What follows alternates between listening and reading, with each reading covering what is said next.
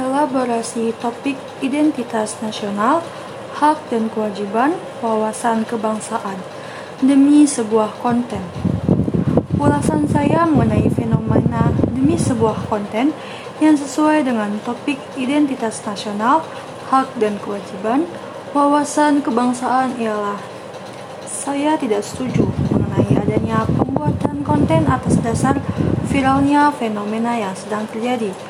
Hal ini dikarenakan tidak adanya sikap empati dan simpati yang dimiliki sebagian orang yang memanfaatkan situasi dan kondisi seperti ini dan tidak mencerminkan warga negara yang menjunjung tinggi rasa kesatuan dan persatuan yang di mana seharusnya warga Indonesia saling merangkul-merangkul atas fenomena yang sedang terjadi sehingga akan meringankan sedikit beban yang dialaminya seperti kita bisa menyumbangkan sebagian uang untuk didonasikan, barang-barang lainnya yang masih layak pakai, ataupun makanan yang dapat dikonsumsi.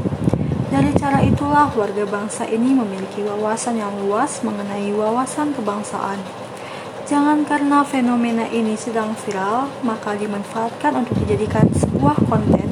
Kenapa tidak saling membantu saja? Dari hal kecil itu bisa dilihat bahwasannya tingginya rasa empati dan simpati warga Indonesia. Solusi dari saya pribadi ialah warga Indonesia saling merangkul, bisa dimulai dari membentuk suatu organisasi kecil yang dibuat dengan tujuan untuk saling membantu dan memberikan kesempatan untuk masyarakat dalam pemberian donasi ataupun barang serta makanan.